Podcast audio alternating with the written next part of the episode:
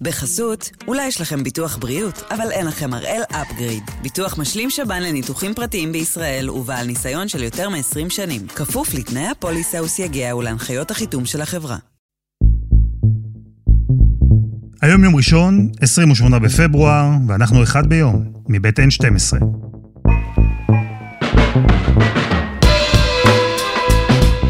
אני אלעד שמחיוף, ואנחנו כאן כדי להבין טוב יותר מה קורה סביבנו. סיפור אחד ביום, כל יום. והפעם, כל מה שידוע וכל מה שאפשר לומר על סיפורה של הצעירה הישראלית שחצתה את הגבול לסוריה. קפיצה קטנה מעל הגדר שהעמידה בסכנה מערכת יחסים דיפלומטית רגישה ומורכבת והרבה אינטרסים שמונחים על הכף. שלום ניר דבורי. שלום אלעד. איפה מתחיל הסיפור הזה? הסיפור הזה מתחיל בלילה קר של בין הראשון לשני בפברואר במג'ד אל-שמס. היא מגיעה אל הכפר, היא כבר מתכננת והיא יודעת את נתיבי המעבר מטיולים קודמים שהיא עשתה באזור. אתה מבין עד כמה היא תכננה את המהלך. היא מקבלת החלטה אחרי שהיא לא מצליחה לעבור לירדן, היא מנסה לחצות את הגבול, היא מנסה באמצעות חסקה להגיע לעזה. בעצם היא לומדת את המקומות שבהם ניתן אה, לעבור לסוריה, ואז היא לומדת את השטח, והיא יודעת שבאזור מג'דל שמס נגמרת החומה והגדר החדשה שצה"ל בנה לאורך כל רמת הגולן, ומתחילה בעצם הטופוגרפיה הגבוהה של ההר, של החרמון, שהיא מחורצת בוודיות, ויש שם גדר ישנה שאפשר להתגבר עליה. Mm-hmm. ולכן היא מגיעה בלילה, היא ככל הנראה מחנה את האוטו שלה בקריית שמונה. היא אה, עולה על אוטובוס ועולה למג'דל שמס. חוצה את הכפר ברגל ובאמת מטפסת במעלה המדרון התלול של אה, החרמון עד אזור מעלה גולני. שם יש גדר אבל פשוטה להתגבר, והיא פשוט הולכת לאורכה עד שהיא מוצאת נקודה שאפשר לטפס ולעבור. היא קופצת, זה לוקח לה באמת זמן קצר מאוד, והיא נבלעת בתוך אחד מהערוצים שיורדים במורדות החרמון המזרחיים לכיוון הכפר חדר, שהוא כבר בתוך הצד הסורי. כל כך קל? קל מאוד, כנראה, והאינדיקציה שהצבא מקבל היא נגיעה בגדר. מכווינים את התצפית לשם, לא רואים כלום, היא כבר נבלעה בתוך הערוץ אה, הנקיק התלול הזה. אין שום דבר, מחליטים לא להקפיץ כוח צבאי, זו אחת התקלות של צה"ל באירוע הזה. Mm-hmm. הרבה פעמים עוברים שם בעלי חיים, נוגעים בגדר, אנשים חושבים אולי זה אותו דבר, ובעצם אה, אין קשר איתה, מאבדים אותה, לא מבינים שהיא זו היא והיא עברה, ועד שלא מתקבלת האינדיקציה אחר כך מן הצד השני, מן הרוסים, שיש מישהי שמוחזקת והיא טוענת שהיא ישראלית, בתוך מטה אה, המודיעין הצבאי הסורי בדמשק, לא יודעים שאנחנו בתוך אירוע. אז מהרגע שהיא נכנסת לשטח סוריה, נכנסת לכפר חדר, מה קורה אז? היא הולכת קצת פחות משני קילומטרים, היא בתוך הכפר, ואומנם היא דוברת ערבית אה, לא רעה, אבל מיד אה, תושבי המקום מבינים שהיא לא משלהם. אז אה, הם מנסים לתקשר איתה, הם מדברים איתה, הם מבינים שיש כאן משהו חריג, הם מיד מקפיצים את הצבא הסורי. ובאמת תוך אה, זמן לא רב מגיע הצבא הסורי, היא מתוחקרת בשטח, ומיד משם נלקחת לדמשק. בהתחלה הם חושבים שיש להם אה, אה, בוננזה ביד, mm-hmm. די מהר הם מבינים שזה שום דבר וזה לא קלף מיקוח ואי אפשר באמת להשיג תמורתו משהו רציני. ומתי ישראל מקבלת את האינדיקציות הראשונות שיש ישראלית שנמצאת שם? תוך יממה פחות או יותר. ישראל כבר מבינה שיש אירוע. ואז היא גם מבקשת מהרוסים להתחיל לבדוק ולברר כדי אה, להבין בדיוק מי. אגב, מבקשים צלמו תמונה, שלחו. אנחנו רוצים לראות ולזהות, לראות אם יש לה באמת קרובי משפחה כאן. אתה יודע, מתחיל שיח של זיהוי כדי להבין שאכן מדובר בישראלית ושזה מה שנקרא בעיה שלנו. בישראל היה לחץ מאוד גדול, קודם כל להבין שהיא לא אה, מסכנת את עצמה, והיא לא מסכנת אולי דברים שהיא יודעת, אז קודם כל צריך להשלים את הבדיקה הזו, והתברר שכאן אולי אין בעיה. ואחרי זה הדאגה לשלומה, תראה, היא נמצאת שם, יכולים לנסות להתעלל בה או לפגוע בה. אין לך שליטה על החוקרים שלה.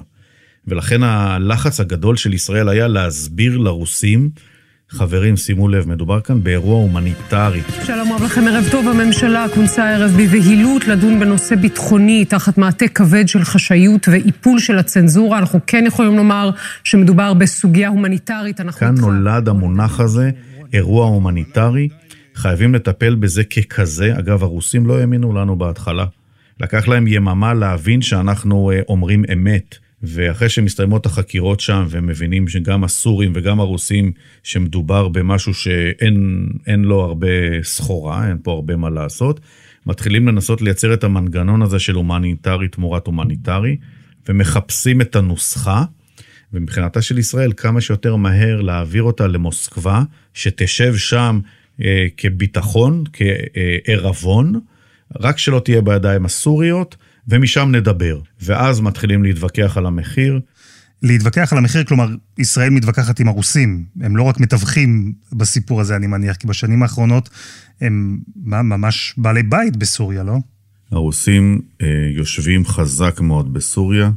יש להם השפעה משמעותית על כל מה שקורה שם, על המשטר, אבל גם על מהלכים אחרים. הם הרי מגיעים לסוריה מתוך טעמים אסטרטגיים שלהם, של דריסת רגל במזרח התיכון וניצול המשאבים שיש לסוריה להציע. אגב, הם צריכים את הפוספטים הסורים ועוד דברים אחרים. יש להם פה נמל, יש להם פה שדה תעופה. וברגע שהם מזהים את האמריקאים מושכים החוצה מהמזרח התיכון הזה, הם מתנפלים על הוואקום הזה. והם עכשיו פה, והם בעצם האחראים או המבוגר האחראי על סוריה. גם בהיבט של העיצוב שלה מחדש, איך היא תחולק אחרי המלחמה.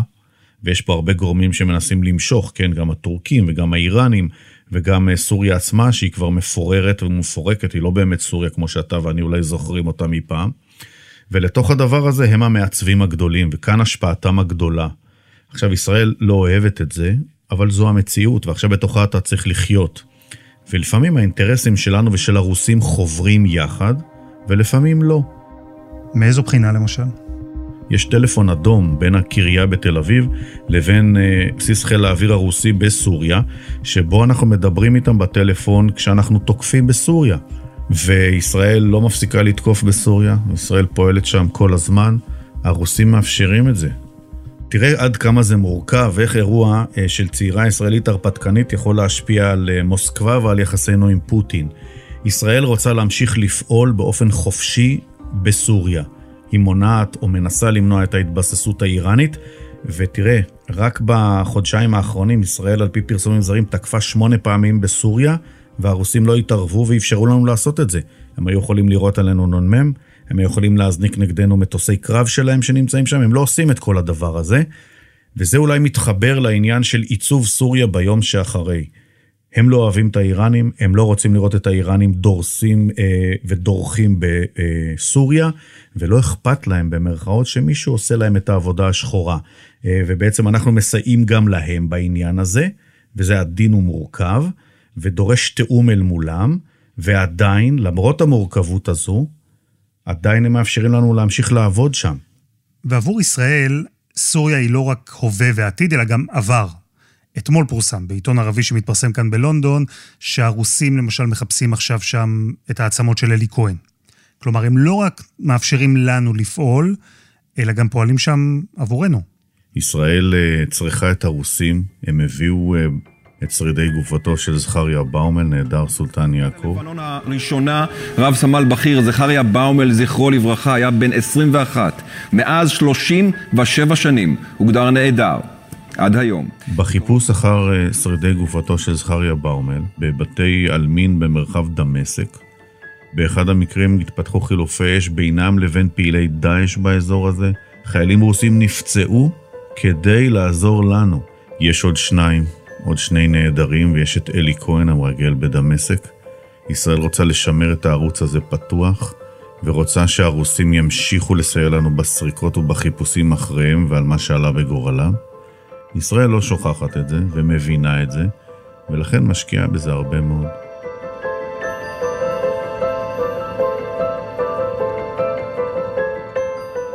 אוקיי, אז ישראל צריכה את הרוסים כדי לפעול בסוריה, וישראל צריכה את הרוסים כדי להשיב את הנעדרים מסוריה. יש מארג שלם של אינטרסים, ובמרכזם כרגע כאב ראש אחד גדול. הרגע הזה שבו מתווכחים על מחיר תמורת אותה צעירה שחצתה את הגבול. מה ישראל עושה בשלב הזה? אחד הדברים שישראל עושה זה בודקת האם יש לנו אסירים, סורים, שאפשר להחזיר. אין לנו, באמת. ולכן הולכים ומחפשים את אותם שני ישראלים, אחד תושב רג'ר, והשנייה תושבת מג'דל שמס, שבעבר שיתפו פעולה עם הצד השני וסייעו לארגוני טרור, ואולי אותם לשחרר. אגב, הם סירבו, כי הם לא רצו ללכת לסוריה, ומשפטית לא היה ניתן להכריח אותם, כי הם תושבי הארץ. ולכן זה נהיה מורכב. במקביל משכיבים כמה מערבים הצבא באזור אה, רמת הגולן. במובלעות, אותם מקומות שהם כאילו ממזרח לגדר, אבל הם ממערב לקו הכחול, וזה שטח ישראלי, ומי שנכנס אליו, הוא כביכול חדר לריבונות ולטריטוריה הישראלית, ולכן אתה יכול לקחת אותו. ומצליחים ככה לחטוף שני רועים, רועי צאן, ואז יש לך עוד שני קלפים, שאחר כך ראית אה, באמת השתמשו בהם. מחזיקים אותם כמה ימים, כי מבינים שזה יכול להיות חלק ממשחק התשלום כאן. וואו, אתה, אתה מתאר את זה כאילו זה דבר שגרתי. רועי צאן אה, במרחב של לבנון וגבול סוריה מגיעים אל הגדר, גם כי הם אה, רועי צאן מקומיים והם מסתובבים באזור הזה ומכירים אותו טוב, אבל אנחנו רואים בשנים האחרונות שרועי צאן מופעלים או על ידי חיזבאללה או על ידי איראנים, הרבה פעמים גם בתשלום של כסף, כדי לאסוף מודיעין ולזהות נתיבי חדירה אפשריים לגדר של ישראל. ולכן לא פעם הם היו מעורבים בתכנון פיגועים, וגם במקרה הזה, מהרגע שמבינים שהיא אה, נמצאת בסוריה, ישראל משכיבה כמה מערבים במרחב הזה של המובלעות מתוך אה, כוונה, בכוונה. אם אנחנו נוכל לשים יד על אה, רועי צאן, אז יהיה לנו קלף מיקוח אולי. זה אחד הדברים שעשו בתהליך. אז בשלב הזה, יש בישראל שני אזרחים סורים שאפשר להחזיר. אבל העסקה לא נגמרת כאן. התשלום לרוסים הוא מורכב מכמה אה, רובדים. ישראל כל הזמן חידדה לרוסים שמדובר באירוע הומניטרי, לא אירוע אה, מודיעיני צבאי ביטחוני, כדי לנסות לשים סוף לפרשה מהר ככל אה, הניתן. וכשאתה דוחף להם כל הזמן שמדובר באירוע הומניטרי, והם אמרו, אתם אומרים הומניטרי, אז אתם תגמלו בהומניטרי, אה, מה שנקרא אה, עין תחת עין בעניין הזה, שזה יהיה שווה. והתלבטו וחיפשו. לפני ימים אחדים צעירה ישראלית חצתה את הגבול לסוריה. אני שוחחתי פעמיים עם ידידי, נשיא רוסיה ולדימיר פוטין, ביקשתי את עזרתו להשיב אותה. והוא אכן פעל, ואני מבקש להודות לו על שנרתם שוב להשבת אזרחים ישראלים ארצה. בסוף אנחנו מתפרסמים על פי פרסומים זרים שמדובר בתשלום של כמיליון דולר שישראל נותנת לרוסיה, שבעטיו היא שולחת לסוריה כ-250 אלף חיסוני ספוטניק 5 רוסים, במין עסקה אה, סיבובית כזו, שמאפשרת לכל הצדדים אה, להיות מרוצים אה, באירוע. באיזה קטע הרוסים צריכים מיליון דולר מישראל עבור חיסונים רוסים שיעברו לסוריה? זה סמלי בלבד. יד אה, רוחצת יד, תמורה, תמורה, תמורה, מה שנקרא. ואני חושב שזו אחת הסיבות, אגב, שהרוסים אה, מבקשים מישראל לא לפרסם את הדבר הזה, וכאן מפעילים צנזורה על התקשורת הישראלית, כדי שזה לא יביך את הרוסים. אה, מצד אחד אנחנו לא רוצים לפגוע בהם, מצד שני אנחנו צריכים אותם, אנחנו קצת בידיים שלהם בהיבט הזה, וישראל מיישרת קו. אגב, בצנזורה רצו לוודא שאכן מדובר בבקשה רוסית, והראו להם שכך הם פני הדברים, מכיוון שהם לא, אה, או יותר נכון חששו, שמדובר, אה, או שעשוי להיות מדובר באיזה גחמה של פוליטיקאי כאן. והיה להם חשוב לדעת שכשהם מורים לתקשורת בישראל לא לדבר, שיש לכך משקל וגיבוי מלמעלה. זה מה שאנחנו מבינים, זה מה שאני מבין שהיה שם מאחורי הקלעים. אמ, אני לא מכיר עוד דברים נוספים, אבל תשמע, גם לא הכרנו בהתחלה סעיף חשאי. אחרי זה הסתבר שהיה. אולי יש עוד דברים שאנחנו לא מכירים. אני מסופק, אבל אי אפשר לדעת אף פעם. אז יש הסכם, ולפי הדיווחים בעולם, העסקה היא הצעירה הישראלית תמורת שני רועי צאן סורים וחיסונים רוסים בשווי מיליון דולר שישראל תממן. הישראלית בשלב הזה מועברת מדמשק למוסקבה?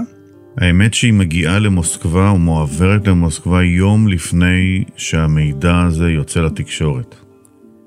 והיא מועברת כאשר יש הבנה שהעסקה יוצאת לפועל, ומה שחשוב לישראל קודם כל שלא תהיה בדמשק. שתהיה במוסקבה כערבון שם, אנחנו נעשה את חלקנו ואז היא תוכל להגיע אה, לישראל. היא עולה על מטוס אה, רוסי שמטיס אותה למוסקבה.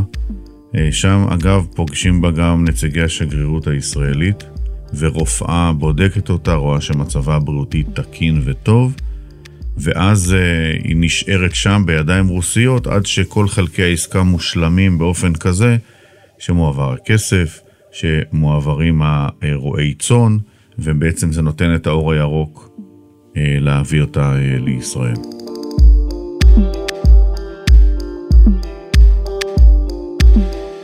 מה אנחנו לומדים בעצם אה, אה, עליה? מה היא מספרת שקרה? היא לא מספרת הרבה לנו, איתנו אסורה בדיבור, אבל אנחנו מבינים שני דברים. א', אמרנו, מדובר בבחורה עם סיפור חיים אה, מורכב, אה, שמנסה אה, לעשות שינוי בחייה. היא גם חוזרת בשאלה, היא בעצם מקבלת על עצמה איזשהו תפיסת עולם של נוודית. ללא גבולות, כפי שהיא מגדירה את עצמה, אמרנו, מנסה לעבור למדינות אחרות, היא חלק גדול מהזמן שלה מבלה גם ברחבי יהודה ושומרון, עם משפחות פלסטיניות, אגב, משם הערבית, והיא מחפשת, אה, מחפשת את עצמה, הרפתקנית. היא גם אומרת בדיעבד, מבחינתה סוריה היה עוד הרפתקה, עוד אתגר לפגוש אנשים. הפער תמיד בין איך שאולי אה, מדינות ומדינאים ופוליטיקאים משרטטים את בני האדם לבין איך הם כשאתה באמת פוגש אותם אה, במציאות, והיא לא מתחרטת והיא לא מתנצלת, אלא מבחינתה זה, זה עוד הרפתקה. היא צפויה להיענש? בכל זאת, אתה מדבר פה על סכנה אסטרטגית לישראל, שנגרמת ממישהי שמחפשת הרפתקאות. נכון, ולכן אחרי שמסתיימת חקירה בשב"כ, ומה השב"כ יודע לעשות, לשלול שהיא הייתה בקשר עם גורמים עוינים. ואת זה הוא שולל, ואז הוא מעביר אותה למשטרה. עכשיו היא נמצאת במעצר בית עד החלטה של המשטרה והפרקליטות האם להגיש נגדה כתב אישום. אז זה עכשיו נמצא אה, בבחינה, ולאחר מכן אנחנו נדע באמת אם יש כאן אה, כוונה להחמיר איתה או לא, מכיוון שתמיד יש את האפשרות שאם אתה תשחרר אותה, אולי תנסה לעשות את זה שוב.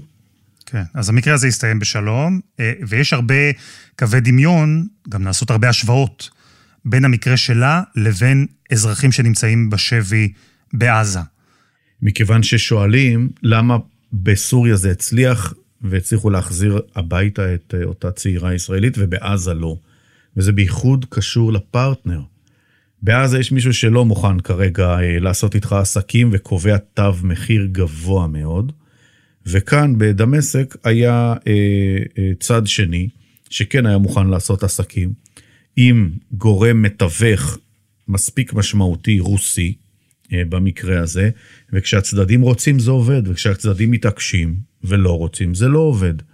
ארגון חמאס מתנהג אחרת, רוצה אחרת, ובוא נגיד את זה במילים פשוטות, אני חושב שהוא גם מאוד אכזרי בתפיסת העולם שלו, והוא חושב שתמורת שני ישראלים, אזרחים ישראלים חיים, ושתי גופות של חללי צה"ל, הם יכולים לקבל מחיר גבוה הרבה יותר, הם לא יורדים מן האתוס הזה, הם רוצים לשחרר מאות אסירים שנמצאים בכלא, אסירי חמאס בכלא הישראלי, חלקם ארכי רוצחים עם דם רב של יהודים וישראלים על הידיים, והם לא מוכנים להתפשר.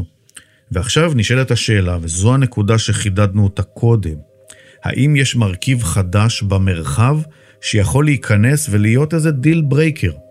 ואולי הקורונה, ואולי החיסונים, יכול להיות אותו deal breaker. אותו משהו שאתה יודע להביא, כי המצב גם בעזה השתנה. והלחץ בעזה הוא אחר. כלכלי, בריאותי, מנהיגותי. ואולי אתה, אם אתה תדע לנהל את זה נכון, ותדע להבטיח את הדבר הזה, של הכנסה של חיסונים, וזה בעצם משמר את שלטון חמאס, לא לשכוח. אולי זה יהיה המנוף שיביא את השינוי, אבל השאלה אם בישראל מישהו רוצה לחשוב על הדבר הזה, האם מישהו בישראל מתכנן את הדבר הזה, ואם הוא רותם את מי שצריך לטובת המשימה, מגיוס כסף נגיד במדינות המפרץ, ועד חיסונים רוסים כי יש לנו חיבור לרוסיה, ואיכשהו לייצר פה איזשהו אה, מעגל שלם, וכך לייצר משהו שהוא אחר, ולהביא אולי לשינוי המיוחל.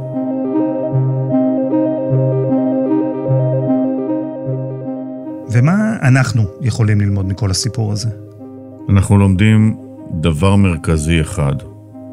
רוסיה היא גורם סופר גדול ומשמעותי כאן, במיוחד כשארצות הברית משכה החוצה מהמרחב הזה, ואנחנו הרבה פעמים צריכים מאוד מאוד להתחשב במה שהם עושים. הרבה פעמים האינטרסים שלהם ושלנו מצטלבים, אבל לא תמיד. הם לא מחויבים לנו כמו שמחויבים האמריקאים, ואנחנו צריכים לדעת ללמוד לחיות בצילם במרחב הזה. הדוב הרוסי הזה הוא קצת פיל בחנות חרסינה, אבל זה מה שהוא רוצה. ולכן הוא מרשה לעצמו והוא לא חושש להתעמת בכל המרחב, אה, כי האינטרסים שלו הם אחרים. והוא פה, הוא פה כדי להישאר, אתה יודע, הוא חכר את הנמלים הסורים לאיזה 50 שנה. הם יהיו פה עוד הרבה מאוד זמן, אף אחד לא ייקח אותם מכאן, ולכן צריכים להתרגל לזה שהם כאן ואיך אנחנו עובדים בצילם. זו המורכבות הכי גדולה עבור ישראל. אותה אה, צעירה היא רק נדבך קטן, לא רוצה להגיד שולי, בתוך מערכת גדולה ועמוקה הרבה יותר, שהתכלית שלה הוא בעצם אה, להשיב את הנעדרים שלנו הביתה, נעדרים שעדיין נמצאים בסוריה. אנחנו צריכים את הרוסים בשביל המהלך הזה, ולכן אירוע טקטי קטן, אבל הוא מקרין ומשפיע על יחסים אסטרטגיים בין מדינות.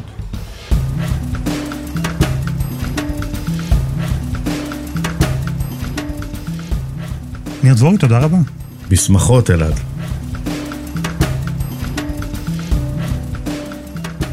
וזה היה אחד ביום, מבית N12. אפשר למצוא אותנו ב-N12 ובכל אפליקציות הפודקאסטים. העורך שלנו הוא רום אטיק, בצוות עדי חצרוני ודני נודלמן, על הסאונד יאיר בשן, ואני אלעד שמחיוף. אנחנו נהיה כאן גם מחר.